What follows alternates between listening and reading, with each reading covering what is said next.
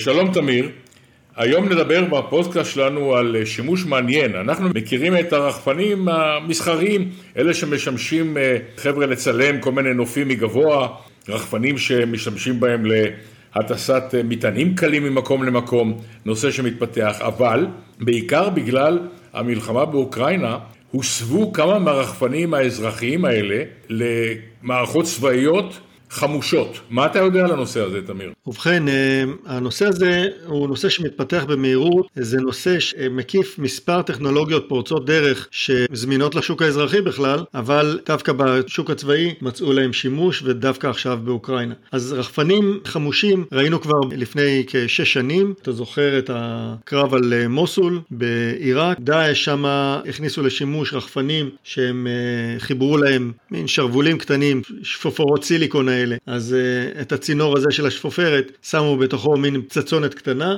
הרימו אותה למעלה על הרחפן, ועם איזשהו סרבו קטן, uh, אלקטרומגנט, מאוד מאוד פשוט, הטילו את הפצצה ישירות למטה. אז זה מה שאנחנו הכרנו לראשונה במלחמה בדאעש, אייזיס. זה היה ממש uh, בשלב ההתחלתי מאוד.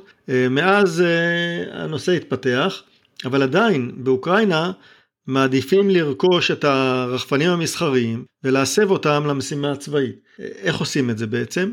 האוקראינים קיבלו מדפסות תלת מימד, שאיתם הם מדפיסים אה, זנבות, בעצם מטעמים וזנבות לחימושים. על הרחפן מייצרים מעין אה, מתלה, עליו תולים את הזנב הזה, ואל הזנב מחברים רימון, מה שיורים ברומי רימונים שצמוד לנשק קל, זה רימונים קטנים, מאות גרמים בודדים של אה, חומר נפץ עם אה, מרעום הקשה, יש כאלה עם אה, ראש חלול קטן או עם מטען רסס. את הרימון הזה אורזים לתוך הזנב שהדפיסו בתלת מימד ויש לך פצצה, את הפצצה הזאת תולים, פשוט תולים אותה על וו, כמו בשר אצל הקצבייה, וממריאים לכיוון המטרה. בסרטון ראיתי איך, איך ממריאים את הרחפן הזה. הזה עם פצצה דרוכה שתלויה לו על וו, זה סכנת נפשות הדבר הזה, אבל בסופו של דבר זה עובד, ובסרטונים שמשחררים מאוקראינה, אנחנו רואים את הרחפנים האלה משוטטים להם מעל העמדות של הרוסים, רואים אה, נגמש, תותח או עמדה עם חיילים, ופשוט מטילים את הרימון למטה, ומקווים שיפגע. כמובן שאנחנו לא רואים את הסרטונים שבהם הרימון לא פוגע, אנחנו רואים רק את אלה שהוא כן פוגע, והפגיעות מאוד מרשימות, אה, במיוחד אלה שעושים להם פיצוץ גדול, שיכול להיות מבוים ויכול להיות אמיתי, כי מרימון קטן אין יותר מדי נזק, אבל כשהוא פוגע במטרה הנכונה, אם זה חומר נפץ עודף, עמדת ארטילריה, או אם מצליחים להחדיר אותו ישירות לתוך הפתח של אה, תא לחימה בנגמ"ש או בטנק, אז בוודאי שהנזק יכול להיות רציני.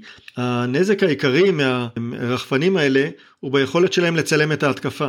ברגע שבוחרים את התקיפות המתאימות ומראים את הפגיעות היעילות, את החיילים למטה, חסרי אונים, חוטפים על הראש את הרימונים האלה, זה בעצם נשק תודעתי מצוין, והאוקראינים עושים בו שימוש טוב מאוד. אנחנו כמעט שלא רואים אמצעי נגד, אנחנו לא ראינו בסרטונים רובים נגד כטב"מים, מכל הסרטונים שאני ראיתי, וראיתי הרבה, רק בסרטון אחד נראו נוטבים שמכוונים לעבר הרחפן, כך שאין תורה מסודרת של איך הודפים את הרחפנים האלה, ואפשר לעשות את זה באמצעים די פשוטים, חוסמים שאפשר לכוון אותם אל עבר הרחפן ולנטרל אותו, יש עמדות שמאפשרות ירי מדויק שמסוגל לפגוע ברחפן בטווח של כמה מאות מטרים, ויש נשק אוטומטי שיכול לעשות אותה עבודה עם קצת יותר תחמושת. בקיצור, אפשר לחסל את הרחפנים האלה, רק צריכים לפרוס את האמצעים האלה בצפיפות גבוהה, ובמיוחד צריך להגדיל את התודעה של כוחות הקרקע לנוכחות של רחפנים